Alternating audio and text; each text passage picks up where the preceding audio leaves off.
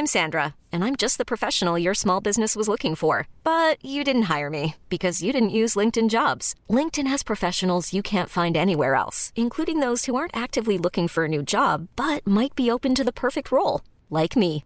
In a given month, over 70% of LinkedIn users don't visit other leading job sites. So if you're not looking on LinkedIn, you'll miss out on great candidates like Sandra. Start hiring professionals like a professional. Post your free job on linkedin.com/achieve slash achieve today. Since 2013, Bombas has donated over 100 million socks, underwear, and t-shirts to those facing homelessness. If we counted those on air, this ad would last over 1,157 days. But if we counted the time it takes to make a donation possible, it would take just a few clicks. Because every time you make a purchase, Bombas donates an item to someone who needs it. Go to bombas.com slash ACAST and use code ACAST for 20% off your first purchase. That's bombas.com slash ACAST, code ACAST. Planning for your next trip? Elevate your travel style with Quince. Quince has all the jet setting essentials you'll want for your next getaway, like European linen, premium luggage options, buttery soft Italian leather bags, and so much more. And is all priced at 50 to 80% less than similar brands. Plus, Quince only works with factories that use safe and ethical manufacturing practices. Pack your bags with high-quality essentials you'll be wearing for vacations to come with Quince. Go to quince.com slash pack for free shipping and 365-day returns.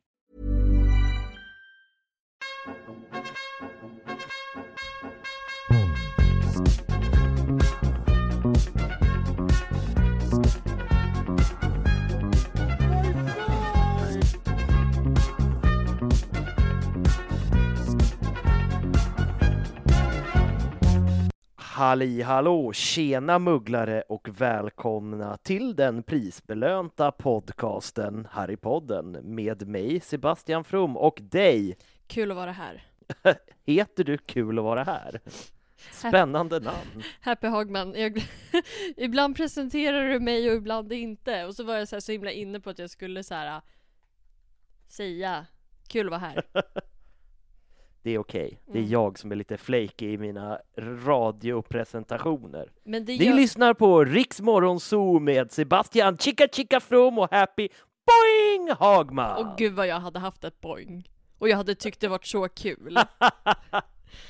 Åh, Om eh, Riks Morgonzoos castare lyssnar så ja, ja, jag kan ta det. Jag kan ta det jobbet. det, kom, det kommer ju främst bestå av en massa ljud. Så här, för att vi inte kan sluta Eller trycka på knapparna. Eller hur? Jag kommer bara ihåg, var, var det Riks Morgonzoo som också hade som ett sändes på TV på morgonen när vi var typ unga? Det var Energy. Var det Energy? För då kommer jag ihåg, då var det ju när, under Jakob Ökvists radiostorperiod, stand-up-komikern, och det var ah ah ah, rap attack hela Ja. tiden. Åh gud, vänta, vänta, vänta, vänta, chilla. Vänta, vänta, vänta, vänta. Hon vill ha pattar, vill ha rattar, vill ha ett par nya bröst. Hon vill ha pattar, vill ha rattar, vill ha ett par nya bröst. Hon vill ha pattar, vill ha rattar, vill ha ett par nya, nya bröst. Hon vill ha pattar, vill ha rattar, vill ha ett par nya, nya bröst. Vad var det där? Ja, du hängde inte med! Jag trodde jag hade dig på hooken där. Nej, men inte alls. Det det var- där. Det där var ju en rap attack som gick då. Jaha, var det det? Ja. som sagt, jag minns.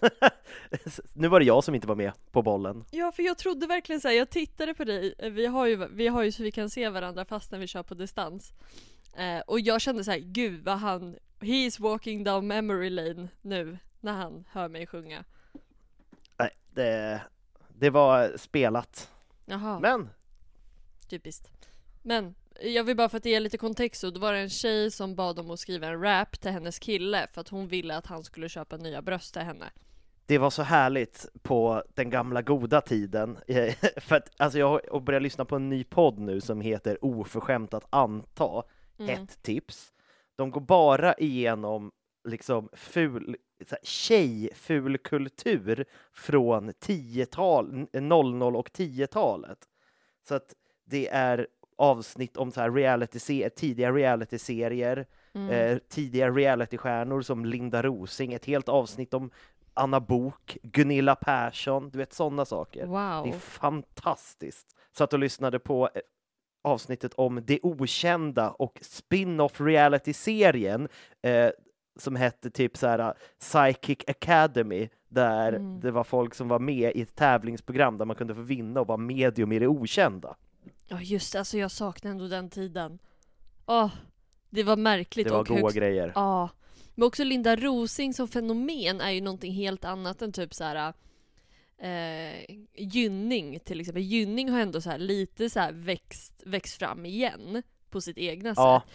Men det enda Linda Rosing hade var Den rätte för Rosing som kom typ några år efter hon blev känd. Ett halvt avsnitt handlar om den rätte för Rosing i den här, po- i den här podden. Det är fantastiskt. Ja, Hett tips. Ja, jag ska lyssna.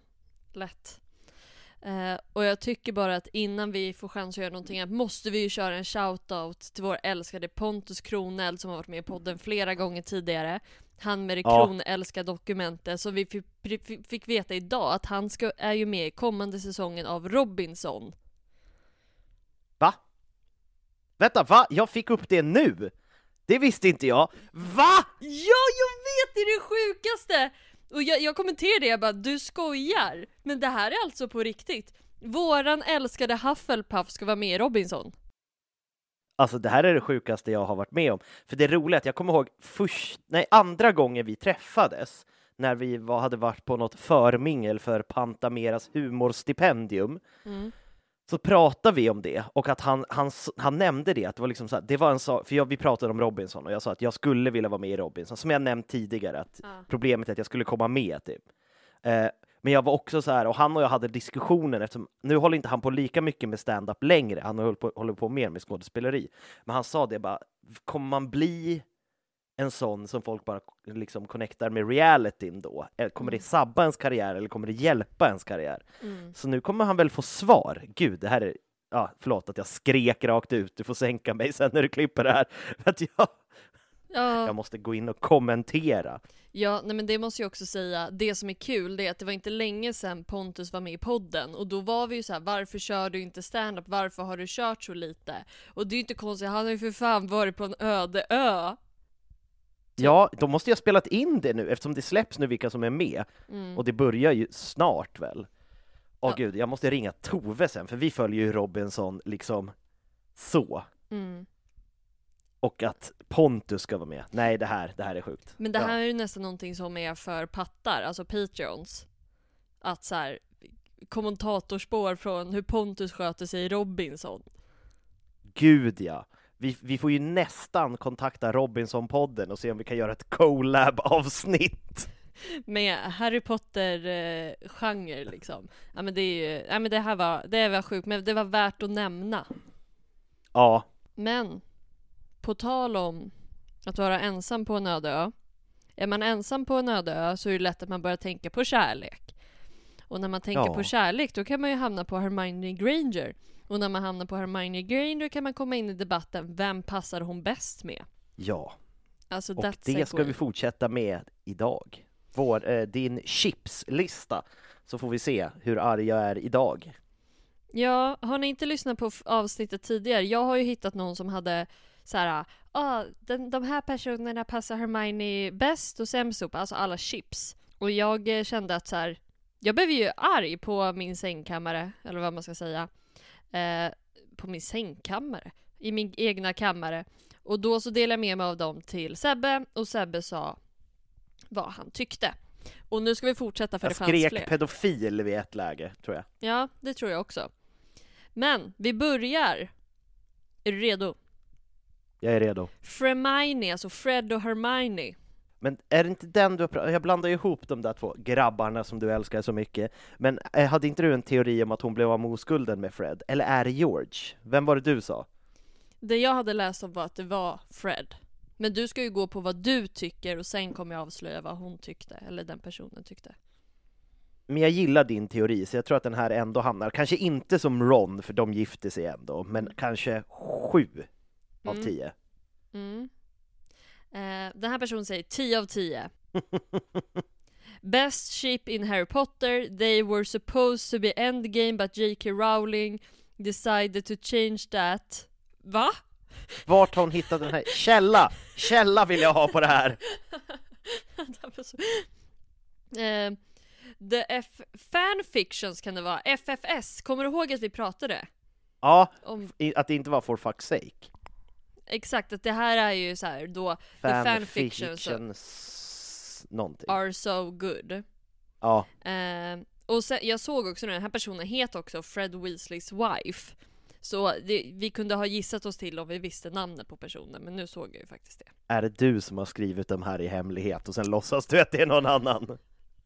110 procent. Eh, jag är egentligen ett psycho som bara älskar de här konstiga chippen. Eh, Bella Miney då? Bellatrix och Hermione? Åh, nej, alltså, jag blir, blir arg. Ett av tio. Det är bara, det är också som jag nämnde i förra avsnittet när folk, alltså det, det är ju någon tjeja, eh, Freds wife antagligen, som bara, ah, nej men det är, det är något spännande och lite småsexigt när Helena Bohem Carter ligger och skär i Emma Watson. Sök hjälp. Nej, vi ska inte kinkshamea, men sök hjälp. Eh, och bara, oh, det där är lite hett. Eller rättare sagt, det är säkert någon fanfiction-författare som har sett det bara, det där är lite hett. Kan vi göra en 50 shades of Grey av det här? Ja, för liksom att tycka att Bellatrix är sexig i sig är inte konstigt, men att sätta upp med Hermione blir lite fel. Om vi uttrycker det så. Ja, det är också samma sak som med Snape, att det är också någon obehaglig grooming-stämning då. Mm. Ja, för den här personen satte ändå fem av tio, alltså mer än Snape, men skrev argumentation same as Snape and Hermione, alltså att han är för gammal typ. Ja. Eh, men ändå fem av tio. Oh! Lumini, alltså Lucius Malfoy och Hermione. Alltså, alltså, varför är det stackars Hermione som blir utsatt av alla de här äldre männen och kvinnorna runt sig? Alltså, det är någon himla typ av hat, sex, kärlek som de jobbar med här. Att det ska vara de som hatar och torterar Hermione ska sen också bli tillsammans med henne sen. Eh, nej, noll av tio. Noll av tio. Ja, jag tror också att, den här, att många identifierar sig, alltså om man kliver in i Harry Potter-världen så tänker man så här, jag är Hermione, vilka hade jag velat dejta? Alltså att det blir lite Ja. sån stämning. Eh, men den här personen sa två av tio, så ni var ändå ganska nära varandra. Eh, argumentationen är nah bro. Och så här, Hermione, alltså Draco och Hermione is better. Man bara såklart det är bättre, det är inget argument. Nej, de har ju ändå, de är ju samma ålder till att börja med, så det är en bra början. Ja, och sen vet vi vet vad det sista argumentet är. Nej, eller jo menar jag. L- Nej, jag har hört Lucius- tillräckligt. Jag, jag vill inte. Lucius at the end looked like a homeless guy. Aha, så att han, han, är, han är snygg innan han blir deprimerad, är det det de säger? Han blir stressad och deprimerad och får lite skäggstubb och orkar inte borsta sitt långa hår. Så därför, nej, då är han ful. Eller hur? Det var inte så mycket typ så här ålder inblandat där, utan det var mer så här, han är ful sen så det är inte värt det. Blir tokig blir jag. Mm, men det här eh, får vi se vad du tycker. Hermione, alltså Harry och Hermione. Ja, men det är väl ändå så att det, vi, det finns ju väldigt många som tycker att de borde ha blivit tillsammans egentligen. Och särskilt folk som inte har läst böckerna och bara har upplevt eh, den personlighetslösa Ginny Weasley blir ju rätt arga på att de blir tillsammans från typ ingenstans, vilket inte är i böckerna, och Mm. eh, att han väljer henne som är tråkig för att hon är rätt tråkig i filmen. Men Mm. och för att ja, de har sin fina scen där de dansar, men då tappar man också lite konceptet av vad den scenen är. För det handlar Mm. om att precis som för alla människor i krig så måste man hitta de fina stunderna för att klara det. Hitta de, det, det lilla ljuset. Så är det som Mm. Dumbledore säger, någon, äh, vad heter det? Even if in the bla bla bla darkness, just remember to turn off the light, turn on the lights. Det är lite den stämningen. Så att Ja. om man ser det bara från ett rent filmperspektiv så om jag, om jag räknar bort böckerna i mitt huvud så skulle jag kanske också ge den typ så här, ja, sex av tio, men det får ändå bli typ fyra av tio för att ur bokperspektiv så nej, de är för syskonlika och eh, Harry och Ginny är jättebra i böckerna.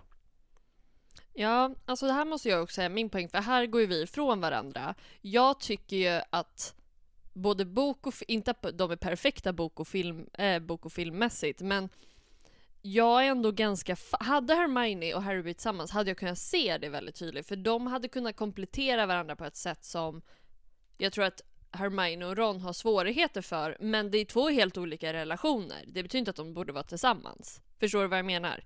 Ja, Eh, men den här personen i alla fall ger det 9 av 10, alltså snäppet under Fred. Och skriver J.K. Rowling said that she regrets not making Hermione endgame. Alltså Harry och Hermione endgame. mm. Det, det är ju sagt på sätt och vis, eh, men tolkningsfråga. They were so cute, och det är ju också så här, ja men då är det filmmässigt. Not a fan of Friends to Lovers, but it's okay. Men Ron och Hermione är ju också Friends to Lovers. Verkligen. Och Fred och Hermione hade ju också varit det. Eller friend of a sibling to lover, eller va? Ja, precis. Men du, nu är vi på sista. Är du beredd? Ja, jag är beredd. Tomini, alltså Tom Riddle och Hermione. Åh, jag blir bara arg. Där är, nu är det också 100% filmbaserat, det märker jag. För då tänker de liksom, åh, Tom Riddle i tvåan när han är snygg. Mm.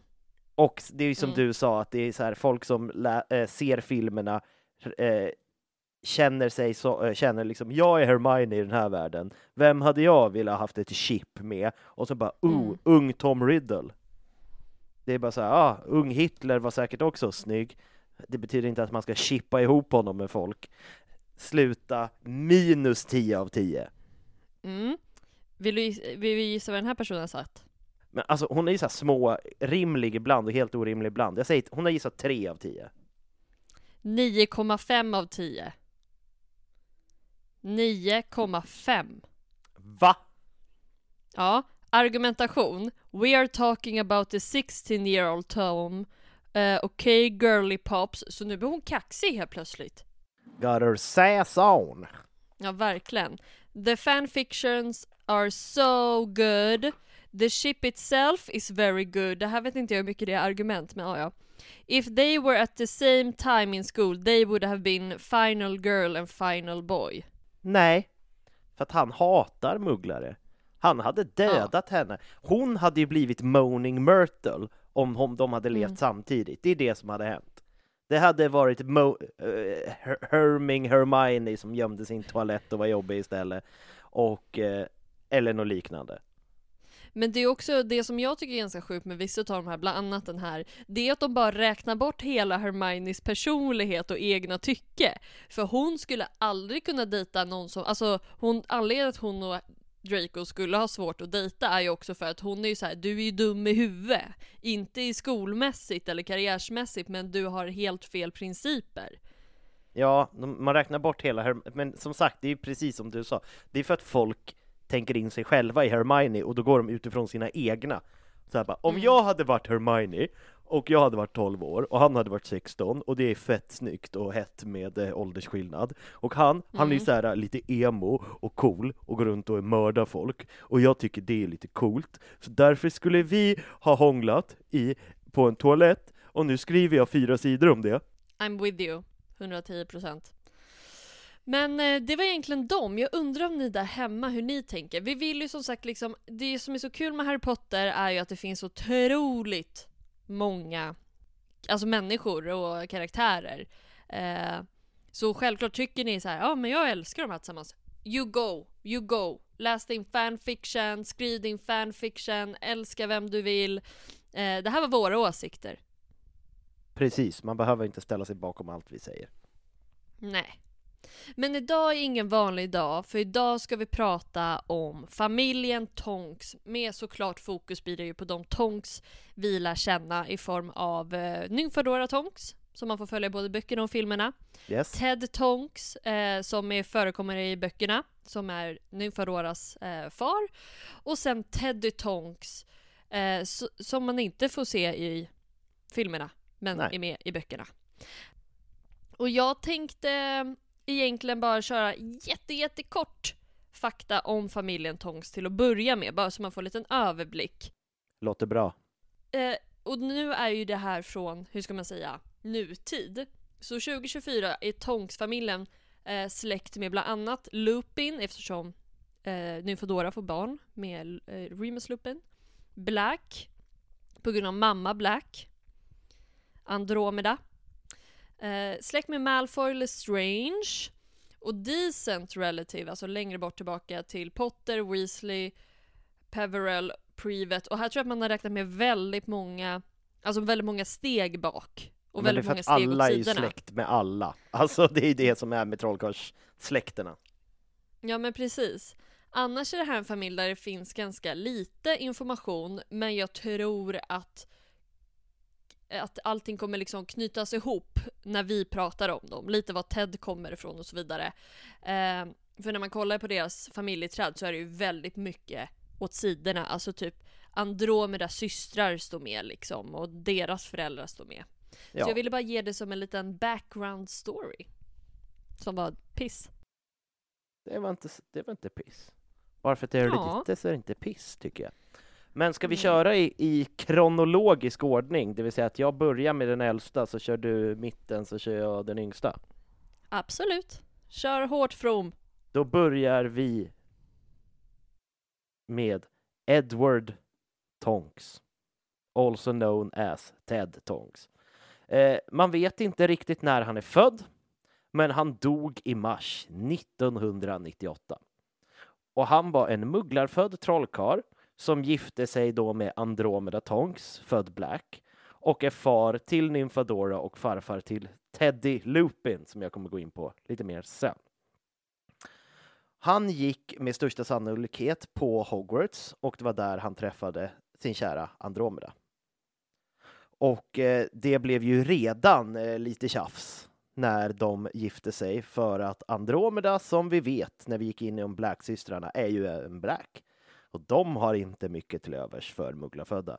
Så hon blev ganska snabbt utesluten ur sin familj.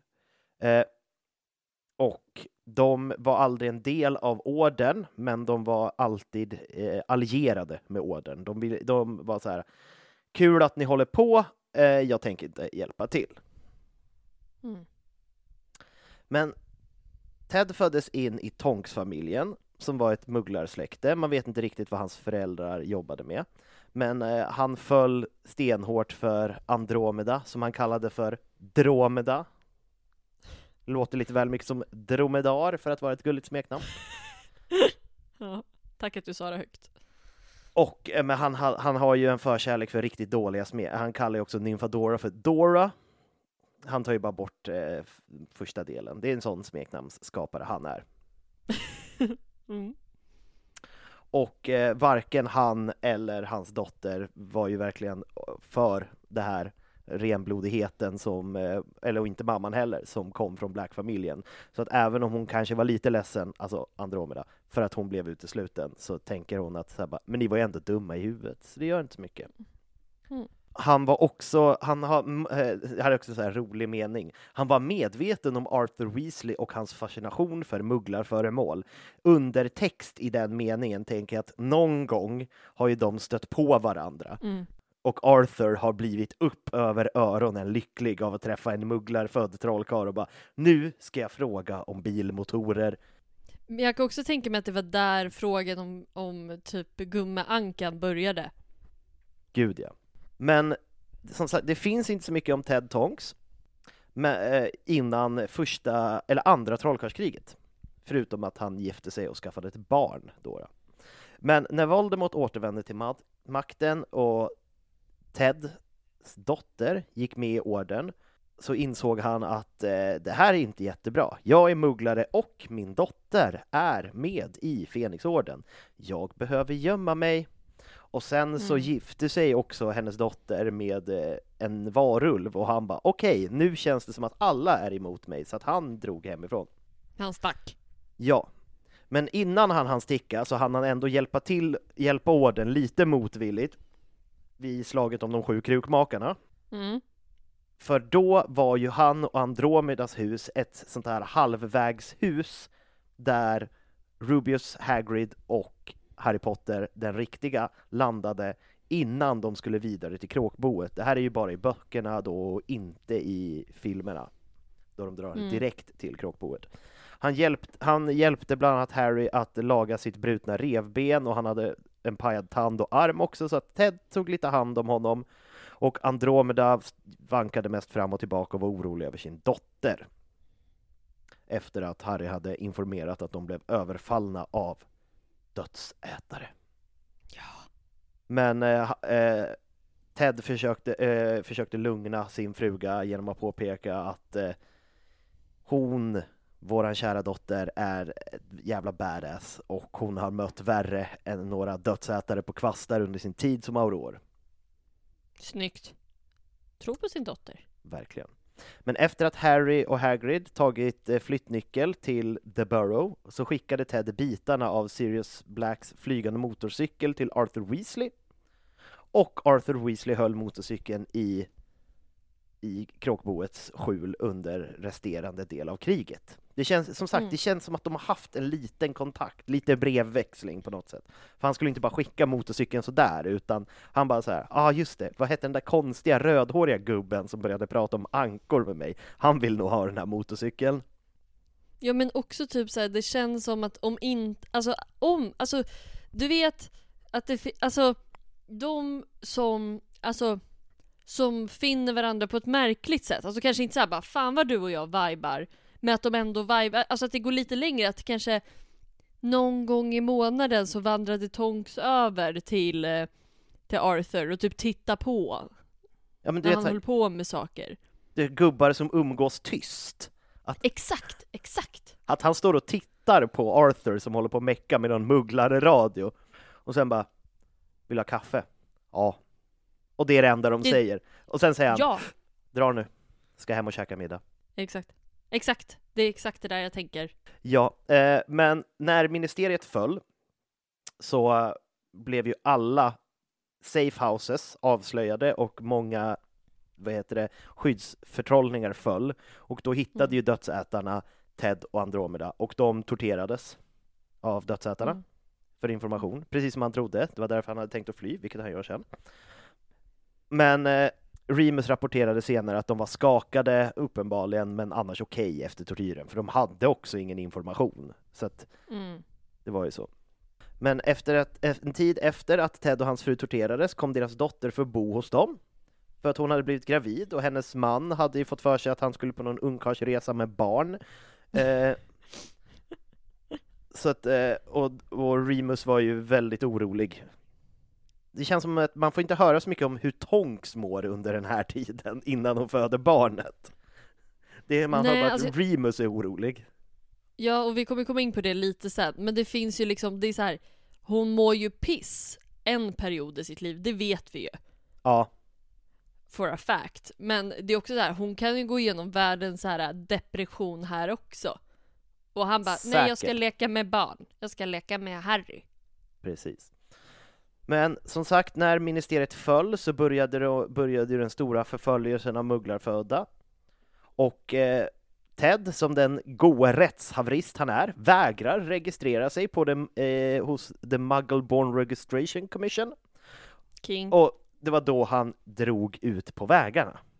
Andromeda följde inte med honom och eftersom hennes renblodighetsstatus höll henne ganska säker, även om hon ansågs säkert som någon typ av blodsförrädare, så tror jag inte att dödsätarna vågade talla på en Black så där i onödan. Det känns som att det hade blivit ramaskri. Ja men precis. Och hon stannade ju hemma och tog hand om sin gravida dotter också. För att eh, Viktig poäng. gubben var borta och mannen var med barnen. Alltså hon gör ju egentligen bara som sin pappa. Eller så här, hennes pappa drar när hon, jag fattar hon kommer dit och bara Lupin har lämnat mig! Och pappan bara jag, jag drar. Han står där med väskan och hatten redo och bara Jag tänkte också pysa faktiskt. Eller bara Men också så här kul om han skyller på, han bara nej men tyvärr jag är mugglarfödd, jag måste dra. Egentligen han pallar bara inte heller. Han pallar inte ha en gravid dotter hemma. Eh, Så han dröjer runt med sitt egna lilla gäng med Dirk Cresswell, Dean eh, Thomas och Grip Hook och Gornuk. Och Mm, de höll sig gömda runt om eh, landsbygden i England och försökte ha det så gött som möjligt på flykt. Mm, de hade det nog ganska nice. Det känns som att de så sjunger lite sånger. Det känns som att de liksom stjäl lite bärs. Ja. Dödar en fasan och grilla, grillad fasan och liksom burköl. Mm. Oh ja. Det, det tror jag verkligen. Och eh, vid ett tillfälle så stöter ju Harry Potter omedvetet på dem och de diskuterar Harry Potter. Men han, han eh, lyssnar ju bakom sin eh, hemliga trollformler som Hermione har lagt där, så de ser ju inte honom. Eh, och Ted var backade ju Harry och avfärdade Daily Prophets påstående om att Harry var inblandad i Albus Dumbledores död och förklarade sin tro till att Quibbler är den enda oberoende nyhetskällan som finns nu. Gud, alltså om han hade, spoiler, överlevt. Gud vad han och Cinephilius och Weasley hade funnit varandra. De är tre nu. Tre gubbar med all, all liksom så här, Ted Tonks, han, han verkar inte ha något så här gubbigt nördintresse. Så han mest sitter med och fikar medan Mm. de andra pratar i mun om sitt eget intresse. Arthur pratar bilmotorer och Xenophilius pratar olika konspirationsteorier och Te- Ted sitter och äter småkakor och bara har det mysigt och lyssnar på dem. Exakt. Åh, det här är verkligen headcanon för mig alltså. Verkligen.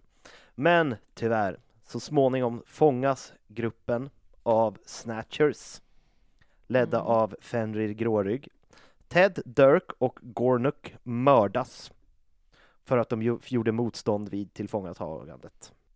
Ted Ja. Tonks och hans kamraters död tillkännages på Poster Watch eftersom The Daily Prophet hade slutat rapportera dödsfall orsakade av Voldemorts regim. Mm. Och när Nymfador...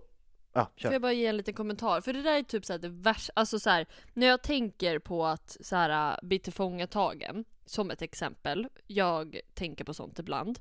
Eh, och då är det så här, då tänker jag så här, ja men fatta vad segt att streta emot och sen inse typ, hade jag bara inte stretat emot hade jag ju överlevt.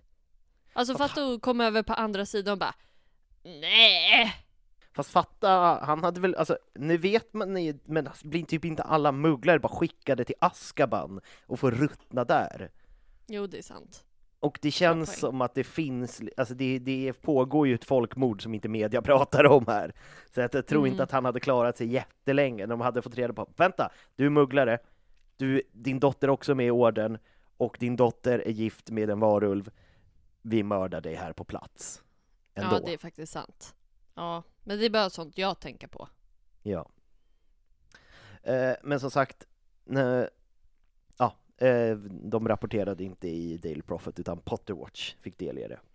Och Mm. när Nymfadora födde sin son bestämde hon och Remus sig för att döpa sin son efter sin far, Edward. Men istället för Ted blev han kallad för Teddy. Och det var Cute. den korta sammanfattningen och ganska tragiska livet av Ted Tonks. Mm. Inte illa pinkat, det föddes en hel headcanon som jag är väldigt kär i. Not here, Nymphadora. Don't call me Nymphadora. Ted får ju som sagt ett barn med eh, som då blir Nymfadora. Eh, även kallas Dora av sin far. Eh, född Tonks dör Lupin och vi kommer in på det nu. Nymfadora Tonks eh, som hatar sitt namn, det är viktigt att säga men jag kommer säga Nymfadora några gånger.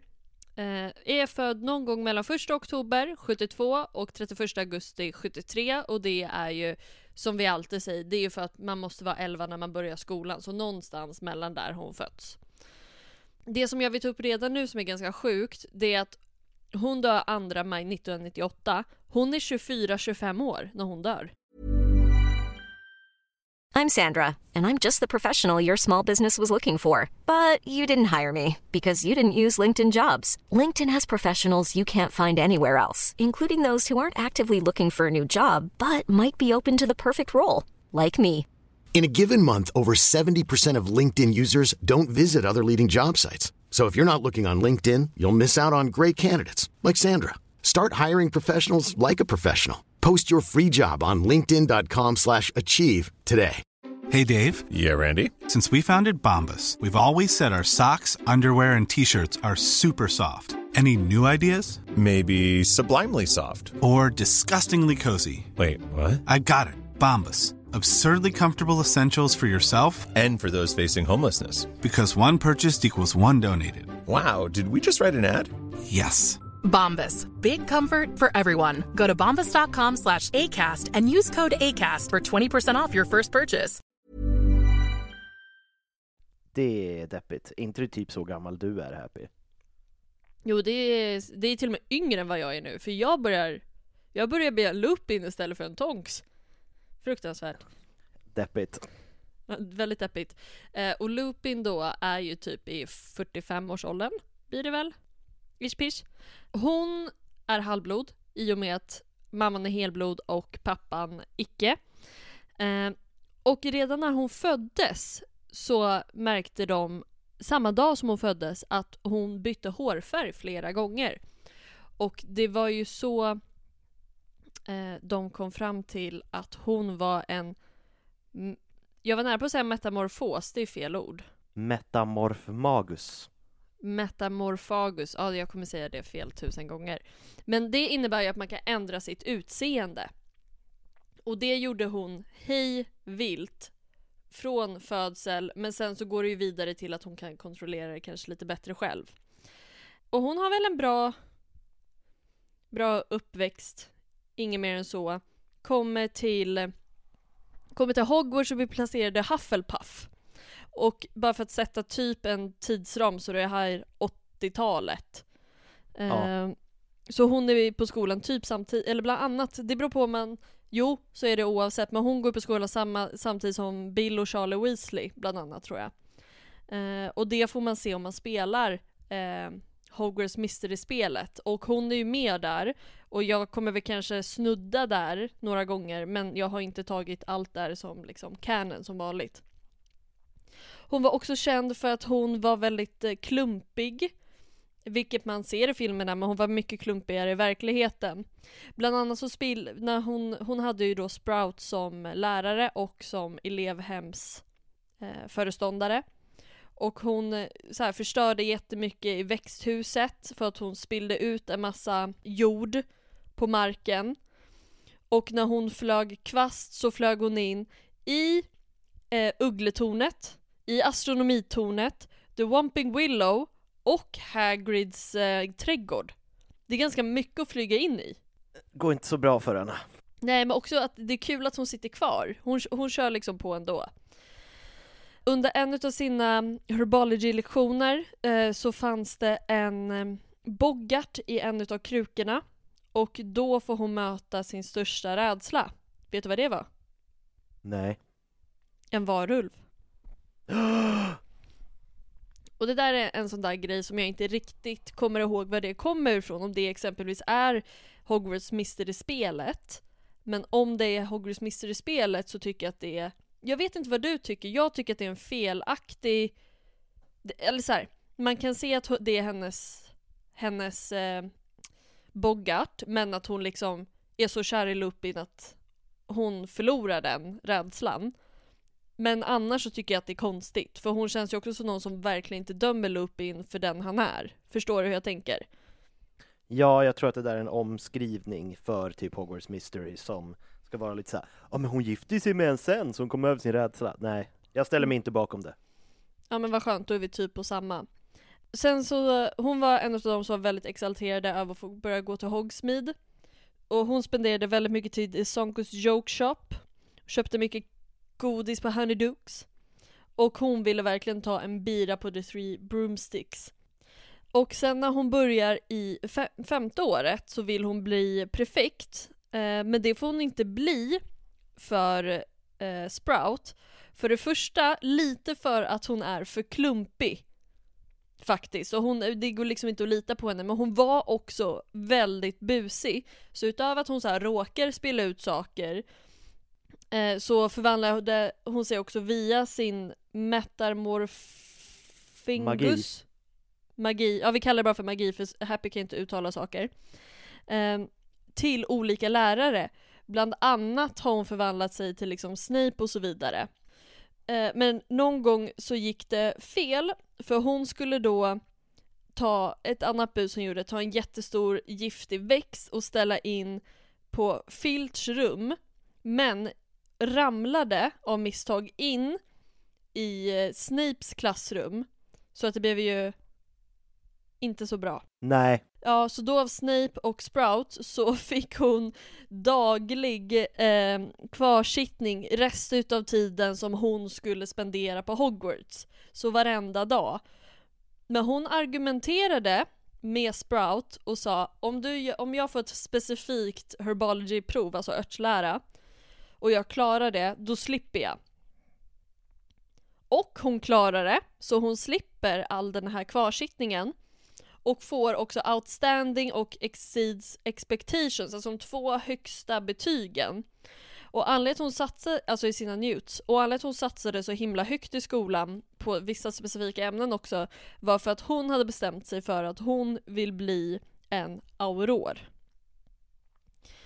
Och auror she became, för hon hon blev auror och blev snabbt omhändertagen och hamnade under vingarna av Mad Eye Moody som eh, nog till en början bara ja ah, men vi kör på henne. Det kanske var någonting med henne som han gillade. Kanske att han bara hon är ja men lite busig och alltså hon är inte rädd för att ta ut svängarna. Och hon blir fort också en av hans favoritelever.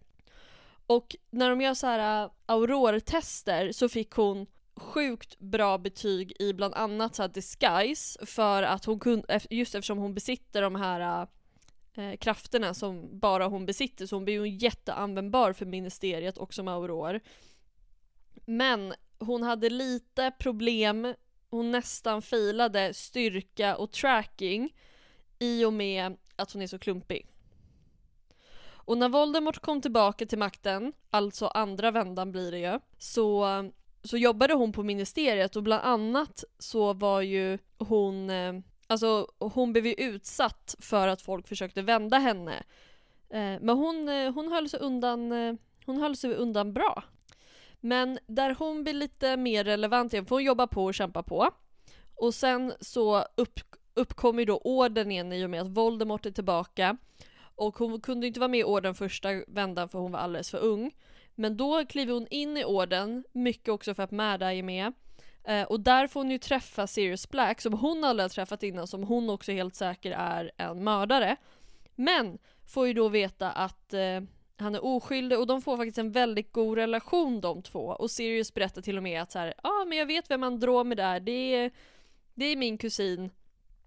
Och hon var alltid min favoritkusin typ. Alltså så här, vaga minnen av Andromeda hade han. Så det känns som de kunde bonda ganska bra.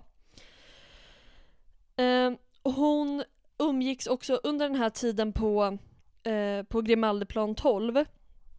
Jag tror också att hon fick se en annan sida av sin mamma, alltså som hon inte dömde, men hon får ju också gå igenom hen, sin mammas barndomshem, som är ju ett speciellt hem med skrikande rasistiska tavlor och så vidare. Men hon blev också väldigt god vän med hela Weasley-familjen för att de var ju där och Hermione. Men främst Hermione och Ginny umgicks då hon väldigt mycket med och såg Ginny som sin lilla syster. Men typ när de satt och käkade middag så kunde hon för varje tugga förvandla sig och det underhöll dem väldigt, uh, väldigt bra. Det kan jag förstå. Ja, gud ja. Uh, och hon, hon var ju också med och hämtade Harry, alltså där egentligen då Order of the Phoenix-filmen börjar, att Harry ska tas till Grimaldeplan 12. Och Tonks var ju med, hon volontärade att vara med. Och det här är också, då, för då börjar Harry ställa frågor så här, äh, om att hon kan förändra sitt utseende, för hon byter hårfärg framför honom. För att hon tycker att lila inte alls passade henne, så hon bytte till rosa. Eh, och då säger han typ åh kan man lära sig att göra det där? För han tänker att det är bra för honom, speciellt om man är auror. Och då säger hon till honom, och det är så himla konstigt sagt bara haha nej det kan du inte men du hade väl ändå bara ta- velat så här, förändra dig så att ditt ärr försvinner? Ja, det är lite, men hon är så här, hon är, verkar ju vara klumpig socialt också ibland, inte bara rent kroppsligt. Hon känns ju som människan som brukar säga fel grej, som bara oj nu blev du kanske lite ledsen.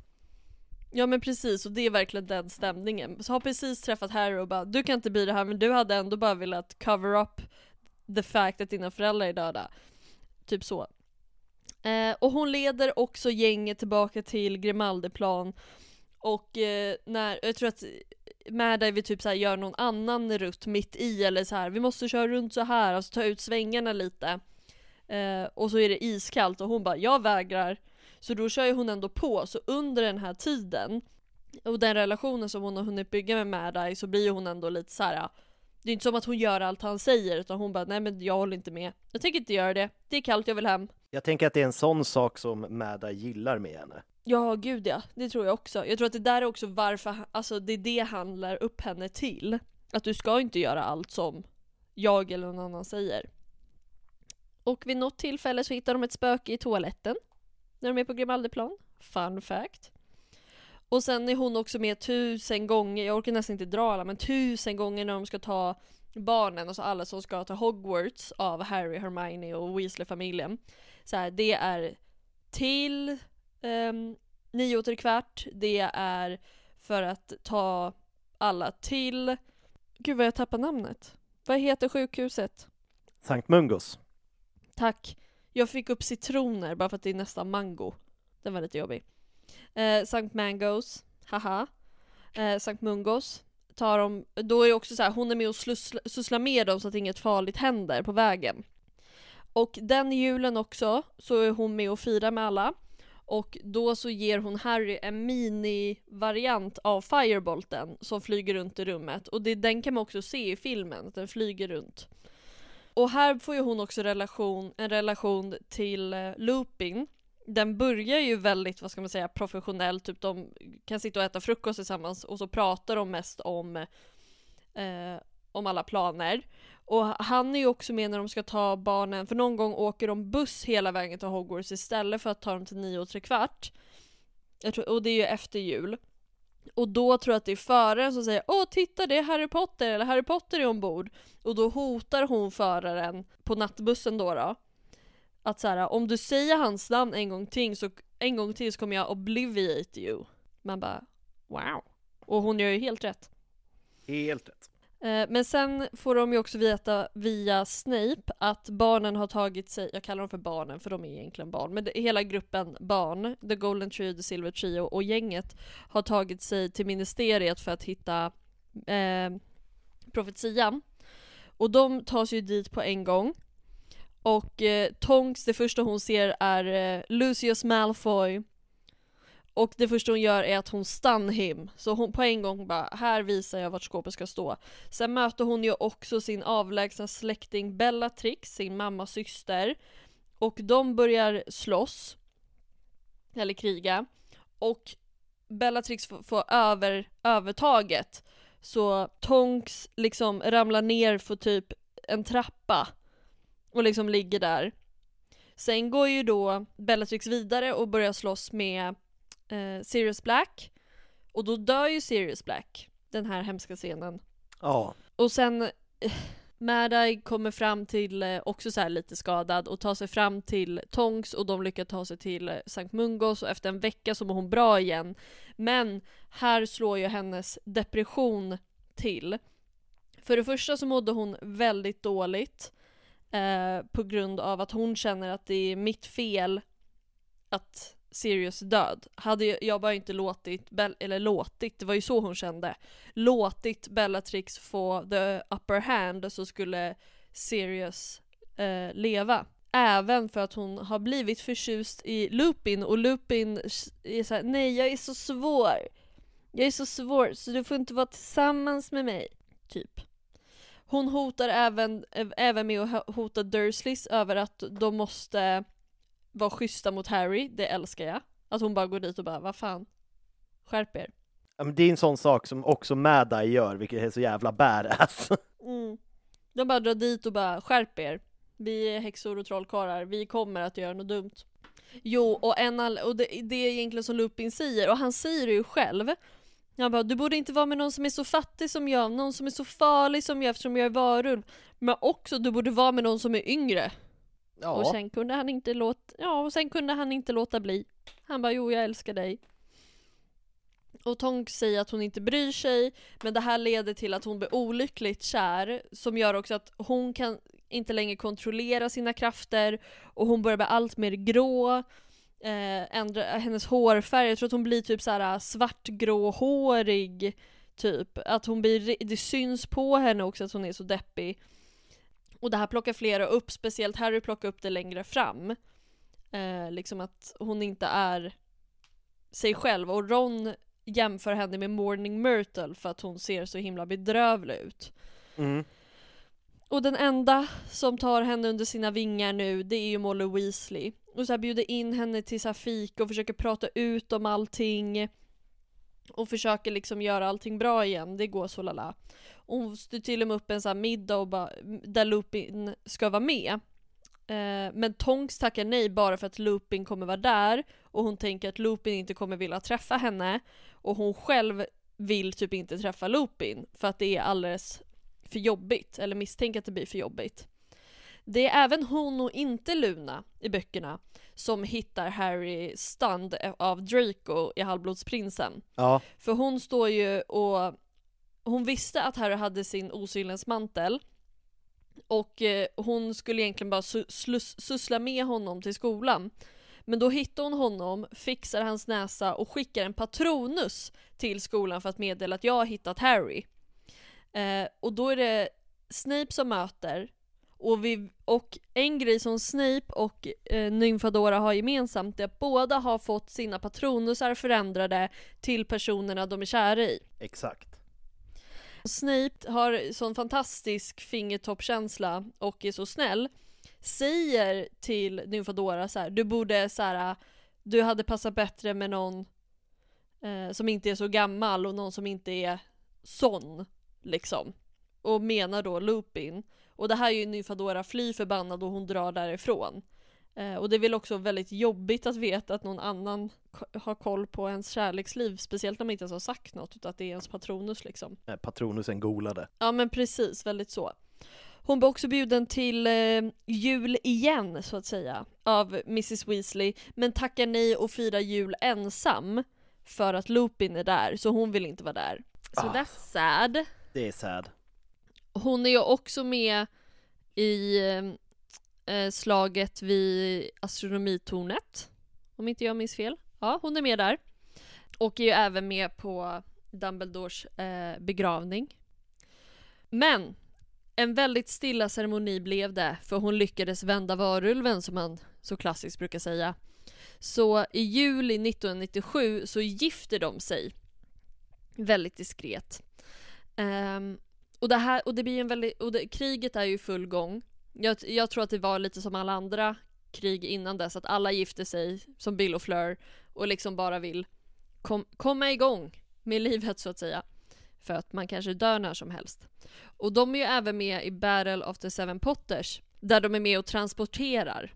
Eh, så de får ju inte flyga ihop. Så det blir väldigt, nog väldigt påfrestande i början av en relation helt enkelt. Eh, och de tar sig ju trots allt fram och du har ju nämnt då att eh, Andromeda och Tonks har varit med och hjälpt till så att säga. De är även med på bröllopet, Bill och Flörs bröllop som sker därefter. Och sen så går ju då Lupin berserk och bara nej men jag vill inte bli pappa. Medan Tonks är ju jätteglad och bara ja, vi, jag ska göra oss till föräldrar. Um, och han vill inte ha ett barn som är som honom, men hon älskar honom oavsett så hon älskar ju, hon älskar ju även barnet oavsett om det blir en varulv eller inte. Men hon får ju föda barnet och då har ju Lupin kommit tillbaka. Så de är återförenade för Lupin blev eh, rimlig igen. Och hon döper sitt barn efter sin far så det blir Teddy Remus Lupin. Och det här är ungefär 1998 innan påsk som han föds. Och hennes pappa har ju då också, hon har fått veta att hennes pappa har gått bort. Eh, De sätter även Harry som gudfar. Alltså de sätter en 17-åring som gudfar till sitt barn i krig. Starkt. Också den mest eh, utsatta eh, 17-åringen i det här kriget. Ja men precis. Jag hade kunnat tänka mig att de hade kunnat i så fall sätta typ Ginny som gudmor. Men jag vet inte. Eller typ så här, nej Mad är ju död. Ja. Hur som helst. Det visar sig även att Teddy har fötts med Tonks krafter och inte har blivit var, eh, visade inga tecken på att vara varulv som sin pappa. Och sen kommer den fruktansvärda scenen vid kriget på Hogwarts Där det enda man får se är att de sträcker händerna efter varandra. Men det finns en fantastisk bortklippt scen för egentligen skulle eh, Remus vara med och kriga. Men Tonks skulle då stanna hemma med sonen men hon kommer dit ändå! För att hon älskar honom. Och för att hon är ett badass. Ja och att hon är badass. Och hon säger typ så här. You shouldn't have! It's Teddy who needs you. He'll sleep till dawn and snore like his father. It's you that needs me tonight. Så hon tog sig dit för att vara med lite sista minuten. Men under kriget eh, så blir hon mördad av Bellatrix, sin egen släkting, under en av sina dueller. Eh, och det liksom har diskuterats att detta beror på att hon inte helt har återhämtat sig från att ha född, fött Teddy. Att hon var lite snabb och het på gröten. Och hennes kropp läggs sen sedan bredvid sin älskade man. Och det är egentligen så hon, hon är död sen. Och det här är typ den... Det här är väl klassiskt så här, ja, men allting återupprepar sig själv. Alltså de är ju liksom Harrys föräldrar som lämnar Ted efter sig.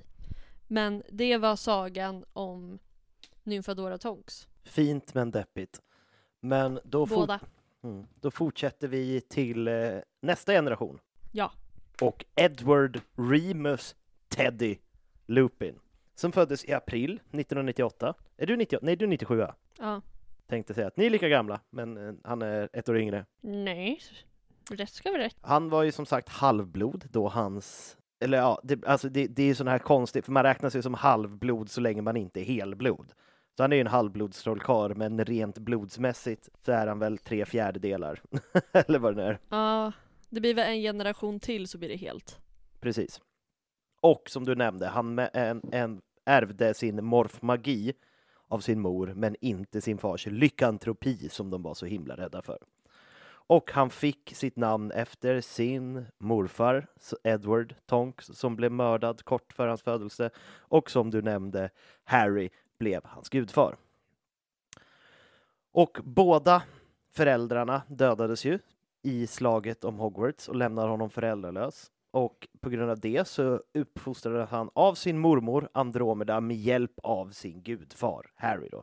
Det känns som att Harry hjälpte till ekonomiskt för att han var ju också typ 18-19 då. Han kanske inte hade så himla mycket eh, faderskap inom sig utan han kom dit och bara Här är en ny jacka Teddy. Ja men verkligen, det känns typ som att, också så här, att man är omogen så länge, att Ginny typ fick säga till till slut så här. Du kan inte bara skicka pengar och köpa jackor. Nej, Kö köper lite för dyra och bra kvastar till honom. Bara, han, kan, han är inte så bra på flyg. Han gillar inte ens det där. Nej eller hur? Åh, väldigt kul. Eh, men han börjar på Hogwarts 2009. Och under sin tid på Hogwarts så sorterades han in i Hufflepuff, precis som sin mamma. Och under sjunde året blir han också headboy. Så han är den första canon headboy från Hufflepuff som vi känner till. Coolt. Han var också tillsammans med Victorie Weasley, Mm. Bill och Fleurs dotra. Tror du att de hängde ihop? Eh, de blev ju tillsammans, eller vad menar du? Va? Nej men att de hänger ihop hela livet som alla andra i Harry Potter? Det är klart de gör. Eller tror att de... Det är så, det, Jaha, är- det, är så det funkar i trollkarlsvärlden. Det finns inga Mhm. skilsmässor i trollkarlsvärlden. Men som sagt, hans födelse, det var ju lite bökigt där innan hans födelse. För att hans pappa beklagade sig över att han hade gjort Tonks gravid. För att bara, han kommer bli en varulv och kommer bli diskriminerad som jag har gjort. Och därför flydde Remus typ innan han skulle födas och bara, nu ska jag hänga med er. Men eh, Harry kallar honom för fegis så att han drog tillbaka. Tror du Harry berättade det för honom? Jag tror att Harry ändå har så mycket vett att han inte berättar det, för Teddy behöver inte höra det om sin far. Eller, Nej, eller så blir det så, eller han kanske får veta det när han är äldre, precis som att Harry inser att hans pappa kanske inte var en jävla ängel hela tiden. Your father was a swine. Men när Teddy föddes så blev ju Harry gudfar och Remus förlät honom direkt för att det, det var en klass, han, han såg sin son och bara gud vad dum jag var, jag älskar ju det här barnet, det blir fantastiskt. Är bra att du sa att jag var en fegis, för det var jag nog. Mm. Och han uppfostrades av sin mormor, men han spenderade väldigt mycket tid hemma hos eh, både familjen Potter och Weasley, alltså alla runt det. Det känns som de blev ju extended family eftersom Harry var ju gudfar som hängde hemma hos Harry och Mm. Ginny och via det säkert också med Ron och Hermione och liksom Bill och Victory. Det känns som att de växte upp lite tillsammans och sen blev tillsammans, Mm. vilket är lite obehagligt. Ja. Eh, han beskrivs av Rita Skeeter som en gänglig halvvarulv när han Oj. deltog i Quidditch World Cup 2014. Jaha. Och eh, hon tyckte att han betedde sig eh, lite, vad ska man säga, skamligt när han sökte upp mörka hörn och kysstes konstant med sin älskade Victory Weasley. Jävlar vad Rita Skeeter bara Mm. zonade in sig på ungdomar. Ja, citat här. Under Quidditch-final, eh, Quidditch World Cup mellan Bulgarien och Brasilien verkade Teddy och Victory vara mycket mer intresserade av att, vad de sa till varandra än matchen. Jaha. Och detta, eh, och och jag tror att Rita, det verkar som att Rita Skeeter sa det här för att då blev eh, Bill sur och satte sig emellan dem. Ja, alltså bra val. Det känns som att Bill, Bill, Bill chillar. Och eh, då blev Teddy lite sur och gick och satte sig på sin plats för att han, det, verkar, det var inte ens hans plats utan han bara kom dit och hånglade öppna lite då och då. Nu råkade ta Flörs plats, för hon är och köper lite rödvin. Och eftersom han var två år äldre, så att, eh, han, när han slutade Hogwarts, men den första september 2017 kom Teddy till plattform 9 och kvart för att eh, hälsa hejdå till Victorine hon skulle dra till Hogwarts. Den dagen hade han sande, sandigt hår, alltså eh, sand colored, det vill säga mörkblont, som senare blev turkosblått. För att eh, de sa att han böt färg på sitt hår tre gånger när han föddes, men första gången var det svart. Och då är det folk som Mhm. tror att det är hans black-blod. Så att hans, Aha. grund, hans grundfärg på håret är egentligen svart. Intressant. Och intressant också om han så här har fått någon slags, vad han har fått höra. Jag tänker så här, Andromeda är ju god, Ja. måste jag säga. Men också det är ju svårt att missa så här. oj dog min mamma, nej, en black mördade henne. Ja. Alltså, att han kan känna så här, jag vill inte vara en black, typ. Som sagt, de blev tillsammans och det var ju lite, det blev- var ju lite konstigt men sam, eftersom de hade typ växt upp tillsammans. Men eh, ändå hintades det lite om att så här, ska ni inte gifta er när ni slutar skolan för att du är typ en del av familjen så du kan väl bli en officiell del av familjen nu. Och av de tre Potterbarnen så var han närmst eh, Lily, Lily Luna alltså. Ha, och för hon var den enda som inte retade honom för hans förhållande med Victory till skillnad från typ James Sirius som gillade att retas för att han Mm. var en kille antagligen. Mm. Och, för, och Lily var verkligen den som uttryckte att jag hoppas att ni gifter er så att ni blir en riktig del av vår familj. Ja. Och som sagt, eh, han blev inte varulv trots att Rita Skeeter spred rykten om att han var varulv i hemlighet hela tiden för att Rita Skeeter gillar att jävlas. Och det är allt som finns om Teddy. Men jag ska gå igenom, jag hittade lite, lite roliga fakta. Mm. Det blev faktiskt en kille castad att spela Teddy Lupin och att han skulle vara Mm. med på 9 och tre kvart, en skådespelare, skådespelare som heter Luke Newberry. Mhm. Men han blev bortklippt och han finns heller inte med på vad heter det, de bortklippta scenerna, så att han blev nog bortklippt tidigare än liksom de scener Mm. som han klippte bort mot slutet.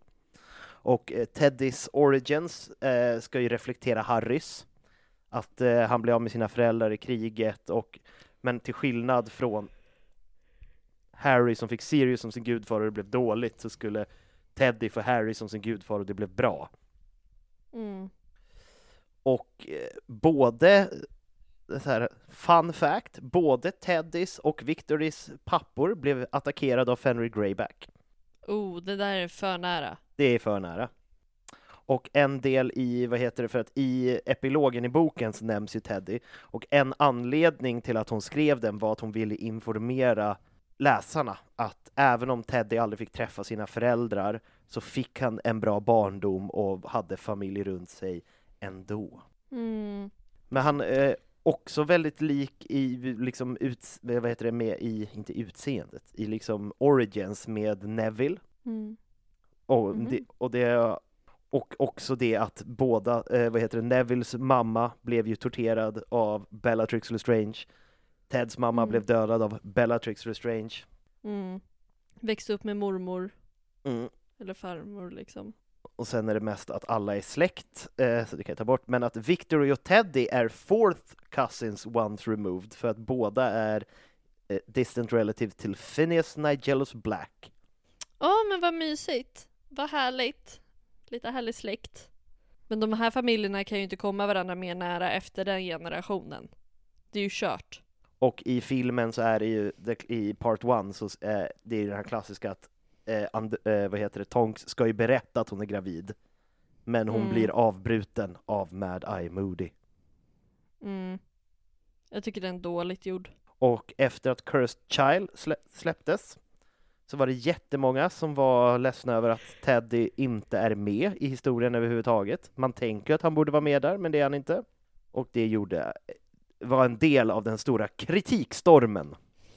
Ja, men jag kan ändå förstå det. Jag tror att det är en sån här grej som folk hade uppskattat. Så han bara, "Ah, ja, man får se. även om han inte har en stor roll så är han med.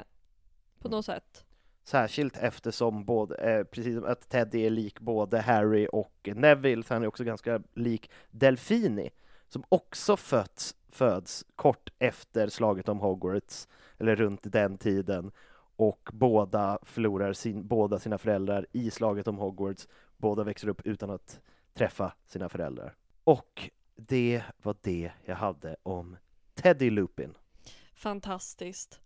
Och nu är det nämligen så att vi ska börja runda av, för vi ska ju även spela in ett 9 och kvart. Och undrar du vad 9 och kvart är så är det vår extra podd som vi har eh, på Patreon. Och du kan bli Patreon på patreon.com slash harrypodden där vi kommer att släppa, vi kommer nu att prata, vi kommer prata mycket, men Tove har fyllt år så vi ska prata om det eller annat. Bland Vi annat kommer det. också där, bland annat det, och vi kommer också snart släppa så fort vi alla är organiserade och ses när vi spelar Cards Against Muggles, så det är en god tid att bli patte. Eh, tycker man att Happy Hagman är skön kan man följa mig på Instagram, det heter Happy Hagman med två n. Tycker man om Sebbe så kan man följa honom på en riktigt bra pinne. Och älskar ni bara podden precis som den är så kan ni följa oss där vi heter herrpodden på Instagram. Och har ni inte betygsatt oss så gör det, för det gör jättemycket för oss. Det gör det verkligen. Så gör allt som Happy precis har sagt och sen så hoppa in i Patreon-sidan och lyssna. Vi, det finns lite Harry, Potter, Harry Poddens karaktärsbibliotek, lite 9 3 kvart, lite annat smött och gott där. Så vi ses på pa- Patreon. Puss och hej! Puss och hej!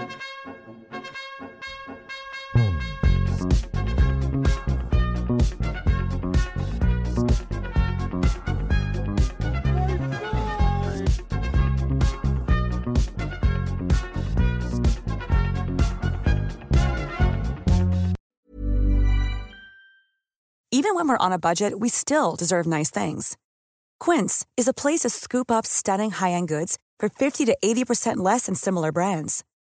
They have buttery soft cashmere sweaters starting at $50, luxurious Italian leather bags, and so much more. Plus, Quince only works with factories that use safe, ethical, and responsible manufacturing. Get the high-end goods you'll love without the high price tag with Quince. Go to quince.com slash style for free shipping and 365-day returns.